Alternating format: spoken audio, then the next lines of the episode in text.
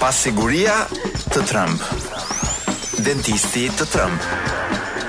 Këngëtarët që s'dinë të shkruajnë shqip të trembin. Turmat në qendra tregtare të trembin. Martesa të tremb. Beqaria të tremb edhe më shumë. Tabela kujdes shofer i ri të tremb. Çmimet e shtëpive të trembin, kredia të tremb. Po ky është një emision që nuk ju tremb. Sot nuk është e hënë. Kjo ka qenë një javë që edhe kryeministri nuk më ka trembur dot, megjithëse ka tentuar disa herë. Është për të qarë më shumë se sa për të qeshur. Por në tentativën e tij për të qenë rromuzexhi, gjithnjë më tepër kryeministri më jep përshtypjen e një njeriu që është thjesht Xhasuloja e një fshati të vogël dhe por brenda vetes ndjen që mund të ishte më i madh. Mendon që mund të ishte ë një njeri, një komik i përmasave ballkanike apo europiane. Por ja që nuk ia del dot dhe më dhe më vjen për të qarë kur shoh kryeministrin që bën rromuze ë mund të jetë çështje moshe në fakt. Ndoshta ë kjo mosha ka ka hyrë atë moshën e tretë tashmë dhe ka filluar dhe po i ndjehet dhe në mënyrën se si flet. Seç thoshte gjëra andej nga Vjosa në tentativën për të larë gjithë atë gjë që ka dashur të bëjë për kaq kohë. tentativën për ta dhunuar Vjosën, siç është dhunuar Valbona, ku di unë gjithë gjërat e tjera, gjithë vendet e mbrojtura të Shqipërisë dhe që nuk janë më të mbrojtura. Ë ndoshta i vënë përballë presioneve për të mos e prekur atë lum, filloi të bënte rromuze, seç thoshte Nardi, Nardi për Leonardo DiCaprion. Po gjithmonë në staturën e Xhasulos, që nga katundi tenton t'i bëjë përshtypje njerëzve që janë çik më lart dhe çik më të rëndësishëm seç thoshte, jo ministri i turizmit që ka shok të mirë, Leonardo DiCaprion. Jo po ai nuk e di, domethënë ishte më duhej një përkthyes, po një nga këta që din përkthejnë nga nga ë jo më shumë shqipen, po që përkthejnë shqipen e vjetër ose të këtyre pleqve, kupton që t'i thuash, ore se ç'thot ky xhaja këtu. Ku do, do ku do me dal ky xhaja këtu? Dhe ndor, po ndoshta ky është auditori i ri, auditori aktual i kryeministrit, pleqëria, pensionistët, njerëzit që gjithë botën dhe gjithë Shqipërinë e shohin apo e njohin vetëm nga divani. dhe që ndoshta akoma kujtojnë që ato që thot kryeministri janë gjëra që don janë një përkthim i realiteteve botërore dhe që nuk janë fare në fakt. Dhe ky rromuzi i DiCaprios komplet pa shije, komplet i lodhur. Ë kam idenë që edhe në spektaklet më të lodhura të humorit që mund të ketë Shqipëria, e nuk do kualifikohej, pra nuk do do do do do e sillni 4-5 herë në prova si t'ia bëjmë kësaj barcaletës tu, domethënë, si t'ia bëjmë këtij skeçit tu po ja nuk kalon. Ëm uh, dhe kjo i shtohet një rromuzi tjetër që seç thoshte aty në atë në atë mbrëmjen e Ballkanit të hapur se ç'tho, ku di unë, se ç'i thoshte atij kryeministrit Maqedonisë me ca humore të shplara duke krijuar siklete me gruan të shkretit edhe të atë DJ Wizi sa don kur sheh që trashet muhabeti me reklama më thot nga larg. Sa sheh që po e trash unë me Po flas për kryeministrin jo si kryeministër dhe si politikan i madh i këtij vendi DJ Wiz, po flas me kryeministrin si Batutaxhi.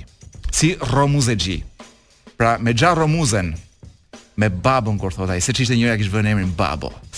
Uh, DJ Wizi thotë reklama, do lëshojmë reklama, por Me kujdes, mbas reklamave, si me thënë do ju vëmë një gjë nga këto rrënqethjet muzikore, sa për t'ju ngritur pak adrenalinën, edhe pse një ditë si kjo kam frikë që mund t'ju bëjë dhe dëm.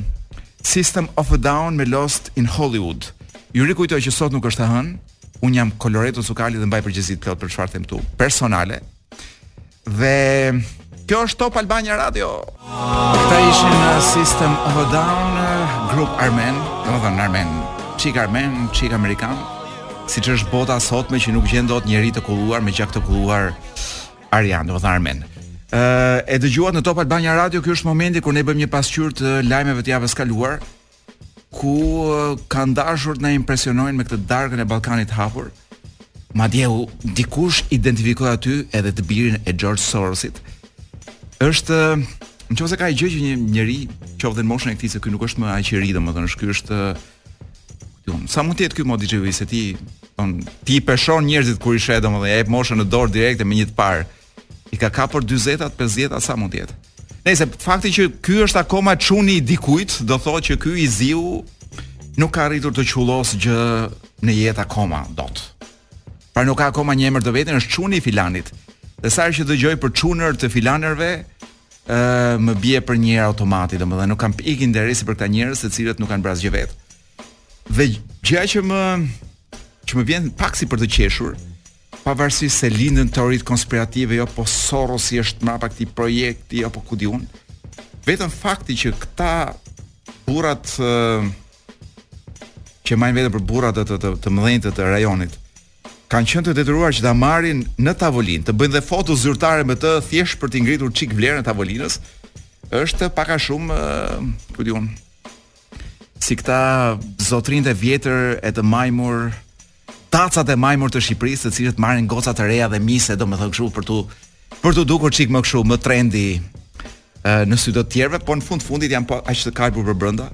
Kështu që nuk besoj që prezenca e tij do thotë një gjë shumë të madhe për politikat globale. Kështu që le të rrim të qetë dhe mos stresohemi për një sforcim kaq të madh të kryeministrit tonë dhe atij serb për ta bërë të duket sikur ka bekim amerikan nga mbrapa.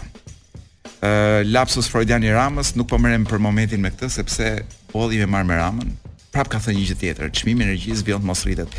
Si me thënë, ndërkohë që është të gjithë e kemi atë brenda dhe edhe na rrotullojnë për sa i përket çmimeve, kryeministri ka kohë dhe nge të vijë dhe thotë gjëra të tipit çmimi i energjisë vijon të mos rritet në Shqipëri. Ama kemi një lajm interesant, jo për ne, është lajm për presidentin tonë të ri, e ka uruar presidenti rus Putin për detyrën e re. Ë duke pas duke parë mënyrën se si u manipulua mediatikisht zgjedhja e këtij njeriu që doli nga xhepi i kryeministrit dhe imagjinoj që ka qenë Për shembull, imagjinoj presidentin që ishte kur s'ishte akoma president, që ishte po themi në banjo, ndoshta duke u shtrënguar sepse me ushqime që hamë këtu ne nuk e dimë kurrë se çfarë na bën të sikletosemi nga stomaku. Kur dëgjon në në televizor për shembull që e kanë zgjedhur, pra nuk as e kanë pyetur, as i kanë kërkuar mendim, thjesht dëgjon që e kanë zgjedhur për diçka. Dhe madje për president. Kështu që dyshoj që i zgjedhur në këtë formë, kjo mund të jetë ngjarja më urimi i Putinit mund të jetë ngjarja më e rëndësishme që do t'i ndodhë këtij presidenti tonë të ri gjatë 5 viteve në vijim. Ëh, çfarë kemi tjetër? Lana doli nga shtrati, përmbyten rrugët e kryeqytetit.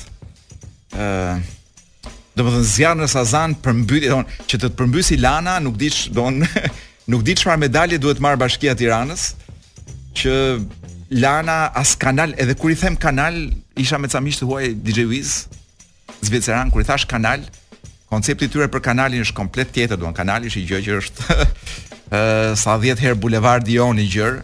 Jo më Lana, Lana as vijë uji s'mund të ishte, po ja që do do ti që edhe kjo e përmbyt Shqipërinë. Ëh dhe si gjithmonë është rasti që askush mos maj përgjegjësi, topa djegësi luajnë gjithë, domethënë për me çështjen e përgjegjësisë. Ama ke një, kemi një lajm tjetër që do ta thellojmë ndoshta pak më vonë, tenderin e mishit, 200 milion lekë të vjetra DJ Wiz për tigrin pa dhëmb. Unë mendova që talleshin këta që thonin tigri, po tigri ishte vërtet pa dhëmb, Madje dikush kish shkruar një batutë që më duk shumë e lezetshme që ky tigri nuk ka nevojë për mish se nuk ka me çe bluan, ka nevojë për dentist në fakt. Ë uh, Ç'të them, domethënë uh, Po megjithatë ndoshta mishi nuk duhet për të ngrënë tigri, ku di unë për çfarë mund ta përdorin mishin DJ Wiz. Mendon që mund ta përdorin si plastelin? Për shkak kur bëjnë këto maketet e kullave në Tiranë, tak marrin atë mishin, kështu domethënë 200 milion mish, Lek edhe e bëjn kështu ë uh, bëjn makete me plastelin, kullave të mëdha. Kina ka shpërblyer qytetarët që spiunojnë me para dhe certifikate shpirtërore. Pra kushdo që spiunon në Kinë si puna patronazhistëve, ë uh, shteti e vlerëson dhe respekton. Pra jemi në linjë me me evolucionin e komunizmit kinez. Rritet sufllaqja me tridhjetë për qind, pra tridhjetë për qind arsye më shumë për të mos ngrënë këtë lloj ushqimi. Kjo Amber Heard paska marrë propozim nga martese nga një saudit, sapo ka dëgjuar ato gjërat që bënin këta i bënin njëri tjetrit, jo i bënin kakën në krevate ku diun sauditët tak, se ç'kan një gjë çudi, domethënë me këto lloj variacione seksuale këta të lindjes së mesme o DJ Wiz nuk e di. Ke qenë ndonjëherë në Dubai? S'të ka rën rasti. Pra nuk ke bërë ndonjëherë DJ-llëk në Dubai në ndonjë party me sheikër edhe me modele jo. Fat jot i keq. Dhe lajmi më i mirë i javës janë arratisur tre shqiptar nga burgu i Trevizos në Itali. Domethënë, mas humbjes ndaj Izraelit, un them që kjo puna e arratisjes ndoshta ishte eventi sportiv uh, më i rëndësishëm ku ne fituam, domethënë. Ose po themi që shqiptarët morën një lloj kënaqësie. E mbyllim me lajmet e javës që kaloi. Ky ishte Chris Cornell nga Audio Slave, po jo vetëm Audio Slave, ky është i njohur sepse ka bërë dhe grupe të tjera, ka bërë unë n'fakt çuditërisht e kam njohur nga një nga grupet më të parëndësishme që kanë që ka bërë ky, por është ka bërë një grup me me Rage Against the Machine, ë uh, ku diun, Çfarë nuk ka bërë tjetër? Ë një personazh shumë i rëndësishëm i botës së i botës së rockut. Ë edhe i ndjer madje, po mua më pëlqen kjo kënga se është një këngë që sa më shumë e dëgjoj aq më shumë duket sikur të hyn dhe të penetron nga brenda. Ë ndërkohë që nga muri i studios ton që është brenda stadiumit të ri, ë ka një gjë shumë të bukur që kur e kërkon në hartë në Google Maps të del akoma si stadiumi Qemal Stafa. Pra mund ta don, është akoma uh, termi i Qemal Stafa dhe mua më pëlqen ta kërkoj gjithmonë me stadiumi Qemal Stafa. Muri na ndan nga ndeshja në fakt që po zhvillohet dhe herë mas here vin zhurma ë uh, zhurmat e publikut. ë uh, një tufë që besoj janë kryesisht burra që ngrihen u bërtasin. Po herë mas herë nuk e di pse më vjen si deformuar sikur zëri një femre dhe po të mos e dije që është një ndeshje futbolli, ti mendon që është tufë me burra shumë që po ndjekin nga prapa një femër. Në fakt po ndjekin një top ndeshja është 0-0 sa pa, sa po hapa statistikat e ndeshjes, nuk jemi mirë. Domethënë jemi aty aty 0-0, nuk po ndodh ndonjë gjë e madhe, një karton i verdhë. Luajmë me Estoninë për ata që janë të interesuar. Për ata që nuk janë të interesuar, le të flasim për uh, muhabete kafshësh. Kemi tashmë një kopsht zoologjik. Ne kishim një kopsht zoologjik, Ëh, po duan të na mbushin mendjen që tashmë kemi një kopsht të ri zoologjik. Ëh, u futa dhe pashë diçka edhe mbi ca lajme, ca raportime. Dhe rezulton vërtet nga fotot që pashë që kemi një tigër pa dhëmbë, kemi edhe një ujk që vërtet nga fotot të paktën i numërohen brinjët. Dhe siç lexova në këtë raportim, kopshti zoologjik është përgjithsisht me lepuj, me rosa, me ë pra gjëra që në përgjithësi shqiptarët mund t'i shohin dhe kur shkojnë për të për të ngrënë edhe kur shkojmë për të ngrënë jashtë qytetit, po themi ë në këto agriturizma që janë hapur rreth Tiranës. Madje mund të gjesh më shumë kafshë në agriturizëm sesa në kopshtin zoologjik. Ë I vetmi ndryshim është që ato të agroturizmit edhe mund t'i hash këto të kopshit zoologjik. Ë kam frikë që nuk na lejohet që t'i hamë. Edhe pse unë mendoj që po t'i hanim do u bënim një nder. Ë pyetja e parë që më vjen në mendje është pse dikujt i shkoi mendja që ne na duhet një kopsht zoologjik. Pra është një qytet i cili nuk menaxhon dot situatën e qenve të rrugës. E vetmja zgjidhje që ka është që t'i vrasë në mënyrë sigurisht ilegale, në mënyra makabre, ë një nga versionet që ka qarkulluar dhe unë e besoj si lajm, është që i vrasin me duke u injektuar kafshëve të rrugës, u injektojnë acid nga bateritë e makinave e gjë e tillë, pra një gjë e tmerrshme, ose i helmojnë, u hedhin ë mish të helmuar dhe kafshët e shkreta përpëliten në agoni, domethënë ku t'i zërë në sy të në sy të gjithë botës, në sy të kalamajve. Pra një qytet që nuk është në gjendje të menaxhojë qentë e rrugës, Befas ka nevojë për një tigër dhe normal që tigri është pa dhëmbë, sepse unë do isha shumë kurioz të dija certifikatat e këtyre kafshëve, ku janë kapur, si janë kapur, ë uh, a ka pas, do ky që e ka sjellë, domethënë, këta e kanë blerë, kuptoj unë. Ose besoj ia ka dhuruar ndonjë Pacoll a, ndonjë njeri shumë i pasur, nga këta që mbasi e kanë lodhur tigrin vetë, domethënë tigrit i kanë rënë dhëmbët, thonë hajt se po ia çojmë bashkisë Tiranës. Po qoftë se e kanë blerë apo kudo që ta kenë marr, unë jam shumë kurioz të shoh certifikatën e prejardhjes së këtij tigri. Pra kush ka qenë ai i pari që e ka shitur? Është një tigër që është shitur brenda parametrave apo është pjesë e një tregtie të zezë? Dhe mbi të gjitha, kur këta shesin tigrin, unë di që kafshët e egra kanë sidomos këto që vijnë nga këto ekzotike që vijnë ku diun nga savanat e nga nga Afrika dhe nga Australia dhe gjërat. Ka si edhe një lama që kush e di ku e kanë marrë në Peru ndoshta. Ç'peru këta i marrin këtu o DJ Wiz? Do është si puna DJ Wiz. Kjo puna e kopshtit zoologjik është si puna e kopshtit zoologjik të miseve. Se ne shohim miset që bëhen në Shqipëri që shef mis Bolivia. Ti mendon që vjen nga Bolivia? Jo. Janë gjithë goca që punojnë këtej lart e poshtë nëpër Europë. Nuk e di se ku, besoj që punojnë në, në McDonald's, ë sepse nuk dua të mendoj keq për to dhe vjen ajo, mund të jetë vërtet nga Bolivia, por ka nja 10 vjet në Europë dhe përfaqëson Bolivinë. Kështu që kjo lama Nuk besoj se vjen direkt nga Peruja, po do jetë ndonjë lam që e kanë lodhur nëpër trotuaret e Italisë. Dhe pasi ka bërë seks gjysma e Italisë me të, thon ku ta çojmë për pension lamën, ta çojmë në kopshtin zoologjik të Shqipërisë. Po për të gjitha këto kafsh ka ca standarde se ku duhen mbajtur. Për shembull, me sa di un këto kafshët e Afrikës kanë nevojë për një hapësirë që është sa i gjithë kopshti zoologjik. Ëm, pra hapësira shumë të mëdha që ai ajo kafsh mos kalojë në depresion. ka nevojë të jetë edhe me një partner, pra mos jetë tek pull. Edhe ky ujku i shkretë që nuk e di si e kanë kapur, ë s'do ketë qenë mirë me vrap në vrap i shkretë, do ta kenë kapur në një moment ku ka qenë i lodhur dhe i pangrën. Edhe ky ka nevojë jo vetëm për partnere, por ka nevojë për një habitat ku të ndihet si në shtëpi. Pra, ti nuk mund t'i marrësh këto dhe t'i fusësh nëpër kafaze, thjesht që t'i shohin ca kalamaj, se kalamajtë do të traumatizohen kur të shohin kur të shohin kafshë të traumatizuara. Gjithë puna që unë ja thash të gjën, po kujt ja shpjegoj mo DJ Wiz?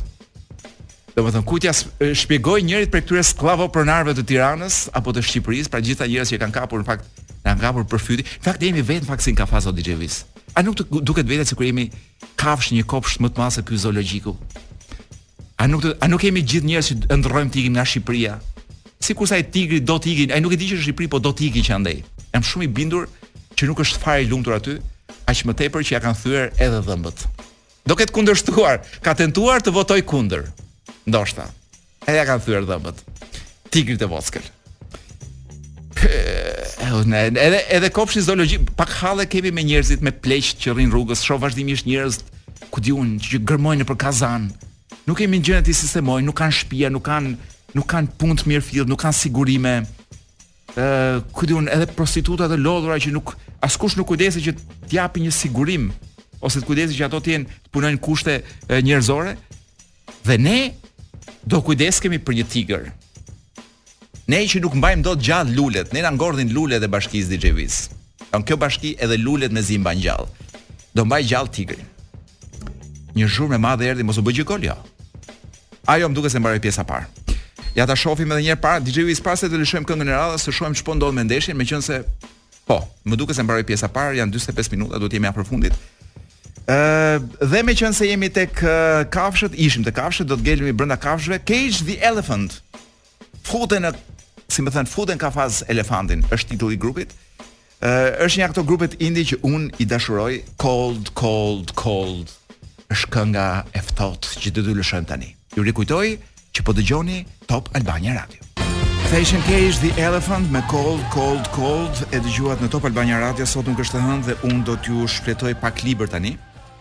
Do t'ju shfletoj pak libër sepse ë mendoj që kjo është ndoshta e vetmja gjë që këtu në radio bëjmë ndryshe.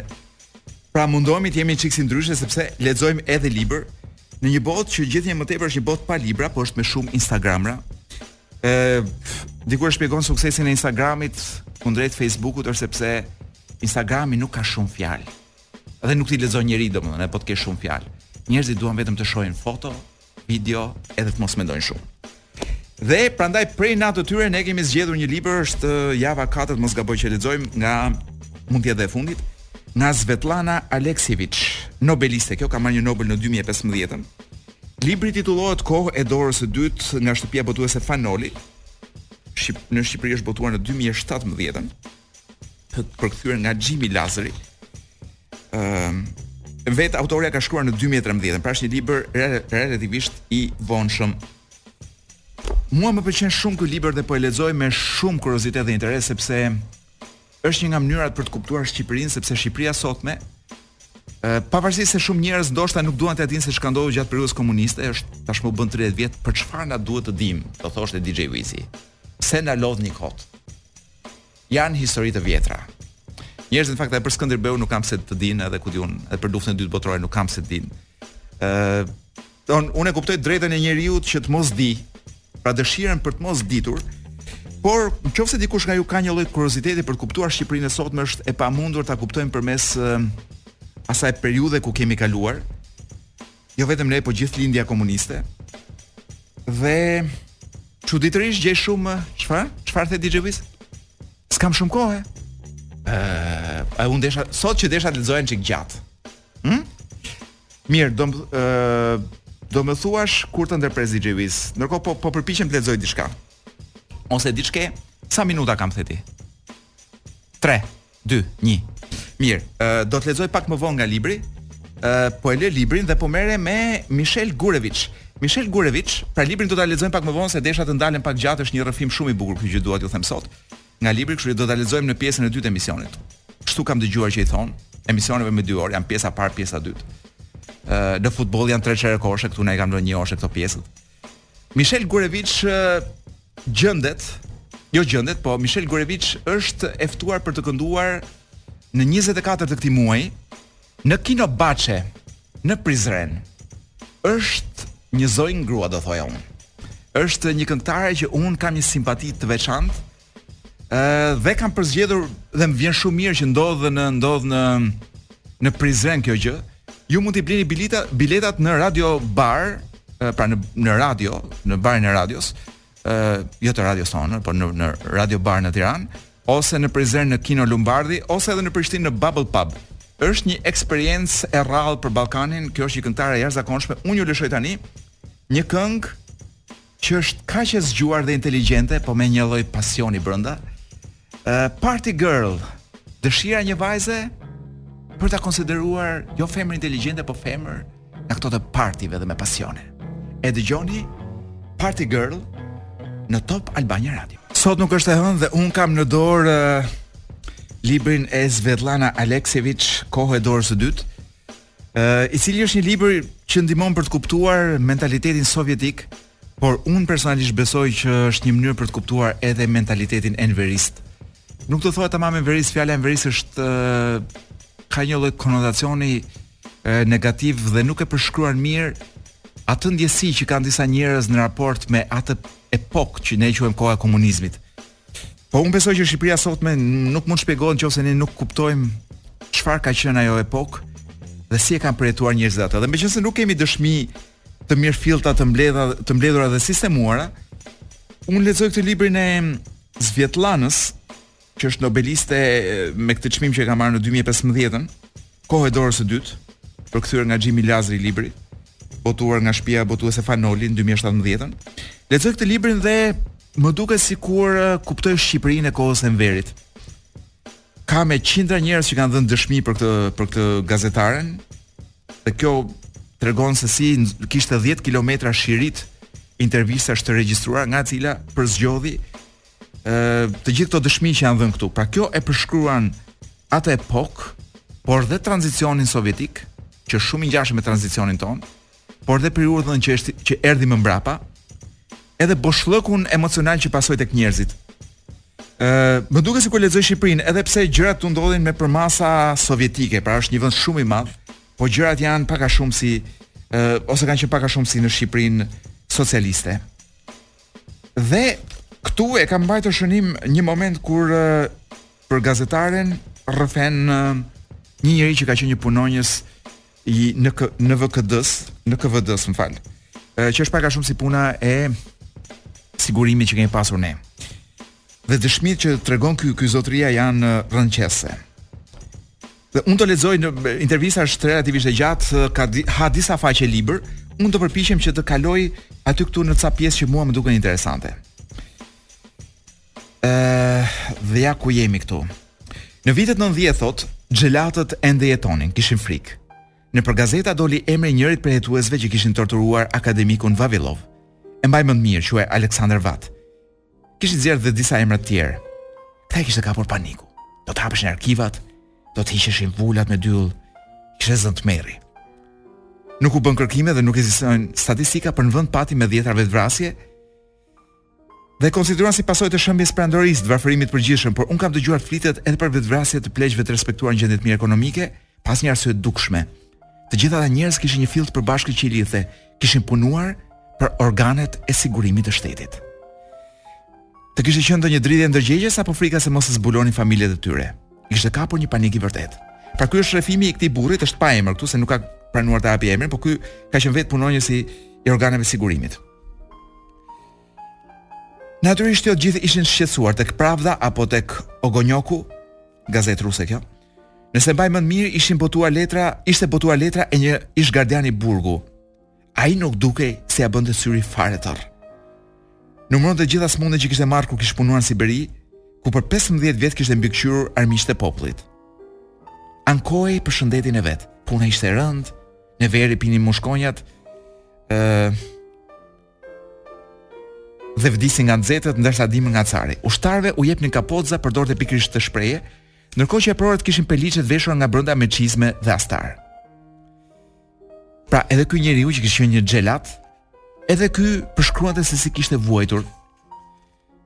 Dhe letra e tij, siç thotë ky burri këtu, ishte e mbushur me urrejtje.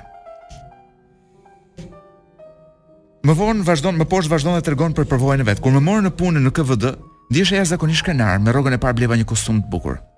Një punë si ajo mund të krahasohej vetëm me luftën. Por lufta nuk ishte aq e lodhshme. Kur qëlloje një gjerman, ai ulërinte në gjermanisht, ndërsa ata ulërinin rusisht. ishin gjaku ynë. Pushkatoje lituanët ose polakët ishte më e lehtë. Por do ti që ata bërtisnin rusisht? Ah, ia ashtufsha nënën. Dhe ne ishim të gjithë mbuluar me gjak. Duart, duart i thanim tek flokët. Ndonjëherë na jepnin përparëse lëkure. Për ne kjo ishte një punë si gjithë të tjerat, një shërbim. Perestroika, perestroika, a i beson gjithë këto pallavra?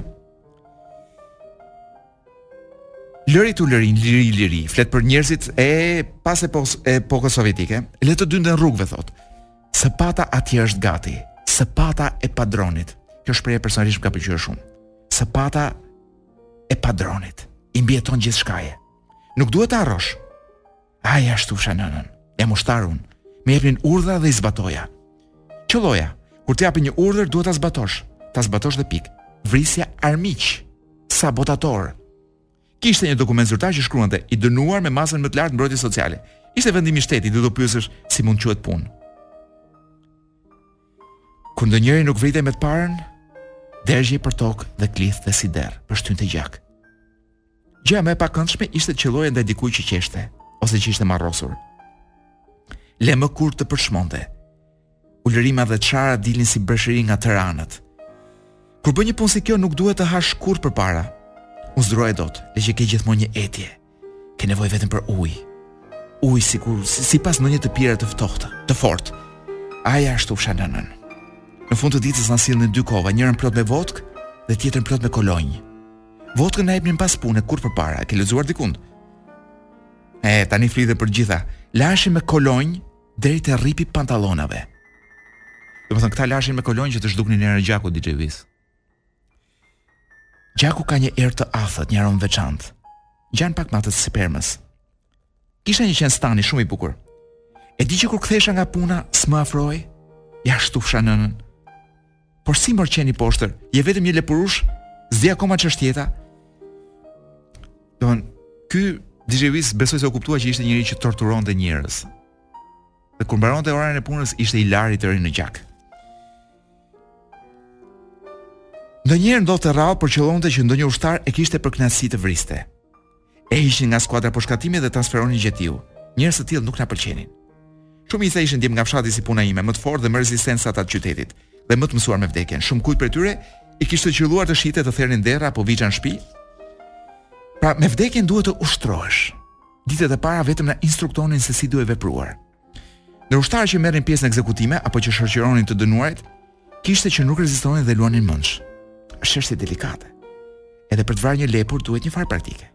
Jo të gjithë mund ta bëjnë ashtu fshanënën. E ul në gjunjë, tashi po flet për njerëzit këtu, dhe qëllon me revole me grykën mu te tëmthi i majtë pranë veshit. Në fund të turnit dora të varej si rreckë e vjetër. Nuk e ndjeje më gishtin tregues. Edhe ne kishim një plan për të zbatuar si gjithandej, si në një fabrikë. Në fillim nuk arrinim dot planin, fizikisht po them.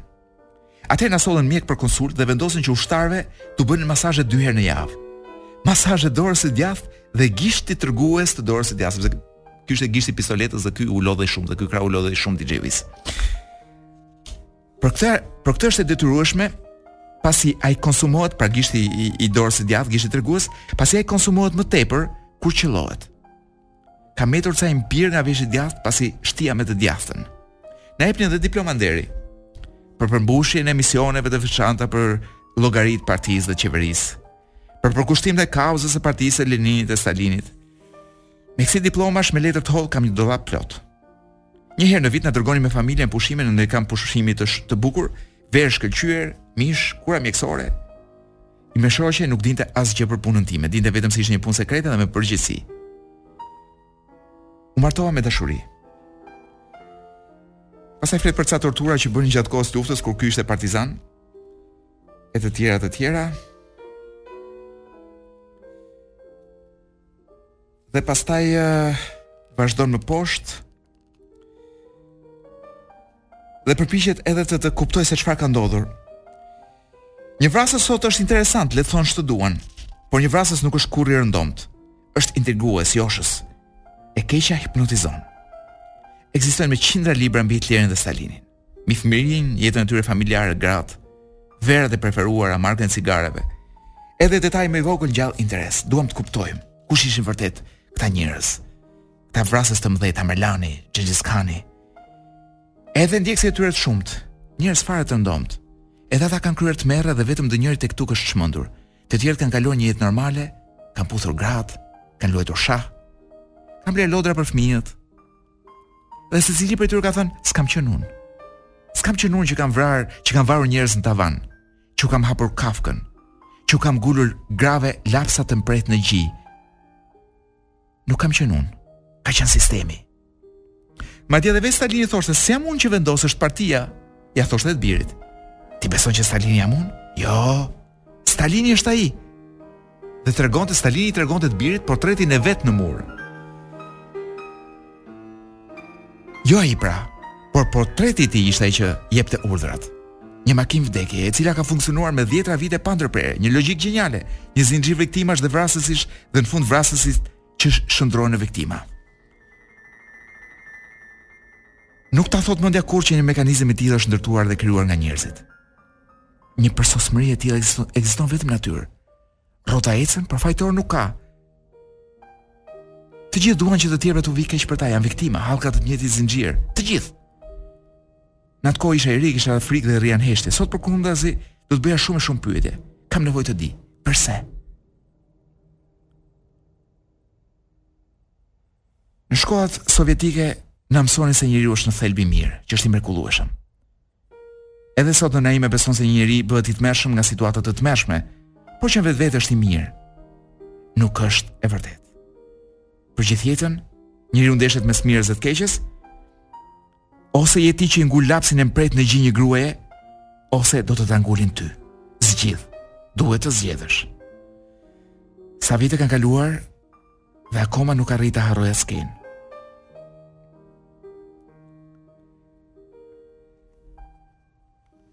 Dhe pastaj bën një përshkrim të asaj që po ndodh në Rusi, ka sërish të pasur e të varfër, thotë, të parët ngopen me havjar, blejnë ishuj dhe avionë, ndërsa të tjerëve nuk u del as të blejnë një copë bukë të bardhë. Por kjo nuk do të vazhdojë gjatë, thotë, do të fillojnë të himnizojnë Stalinin, Enverin në rastin tonë. Sëpata është gjithnjë atje. Sëpata e padronit është gjithnjë e gatshme.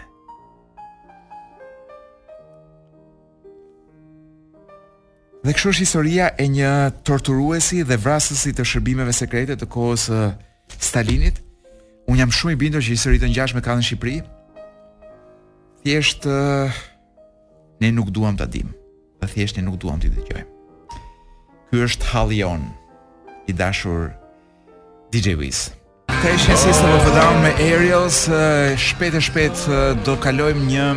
Kam dëshirë t'ju prezantoj një këngë, për arsyen e thjeshtë sepse dua të flas për një temë dhe janë... Bëhet fjalë për grupe të mëdha, të cilat kanë këngë që janë për kaq të famshme saqë vetë grupet i urrejnë. Ë, për shembull, ju ndoshta nuk e dinit, po Kurt Cobaini ë nuk donte dhe nuk preferonte ta luante live uh, Smells Like uh, Teen Spirit, që është kënga e tij më e njohur pikërisht për faktin që është kënga e tij më e njohur. Duke qenë se ishte një grup i cili lindi për të kundërshtuar sistemin dhe grupet që ktheheshin në sistem dhe bëheshin komerciale, në momentin që kjo këngë u bë komerciale, ky filloi ta urrente. Ndërkohë që uh, Oasis, uh, Liam Gallagher, urren Wonderwall. E urren, ky urren për një arsye tjetër në fakt sepse mendon që njerëzit mbajnë mend vetëm Wonderwall. Dhe ky beson se kanë këngë shumë të tjera të mira dhe i kanë në fakt në repertor. Por meqenëse njerëzit janë të atashuar me këtë këngë dhe bie një si hije mbi këngët e tjera të grupit. Ë uh, Kemi edhe Frank Sinatra që marr vesh që paska urryer këngën më të njohur të tij Strangers in the Night. Po jo për arsyet e Kurt Cobainit, sepse le të themi që ky është komplet antiteza e Kurt Cobainit. Ë, uh, por Frank Sinatra me sa kuptoj unë e paska dhe me sa po lexoj këtu e paska urryer këtë këngën thjesht që nga fillimi nuk i pëlqente si këngë. Thjesht nuk i pëlqente. Edhe pse në momentin që i fusnin një dhjetëshe në xhep, dhe me një dhjetëshe në atë kohë edhe mund ta korruptoje Frank Sinatrën. Ky ta këndonte që ç'ke me atë punë. Dhe gjëja që ndoshta ju mund të mos e besonit është që Led Zeppelin urrejnë këngën ose Robert Planti më tepër urren këngën Stairway to Heaven. E cila është në fakt një këngë shumë impenjative Por ky nuk beson që kjo këngë është përfaqësuese e mirë e grupit në fakt. Kështu që as nuk e luan live, dhe madje edhe kur ia përmendin të gjuan me këpucë kokës. Dhe për ta mbyllur me Kiss, kënga e tyre më komerciale, që është një këngë e bukur në fakt, por nuk është një këngë alla Kiss, ë uh, është I was made for loving you, DJ Wiz, kemi kohë ta luajmë? Kemi kohë. Uh, I was made for loving you është më tepër pop, kështu që është një turp në fakt për për The Kiss. Por është e dëgjueshme, është simpatike, thashë pse mos e shplajmë gjithë ditën e sotme me I was made for loving you. Ky ishte Jovanotti me Everest.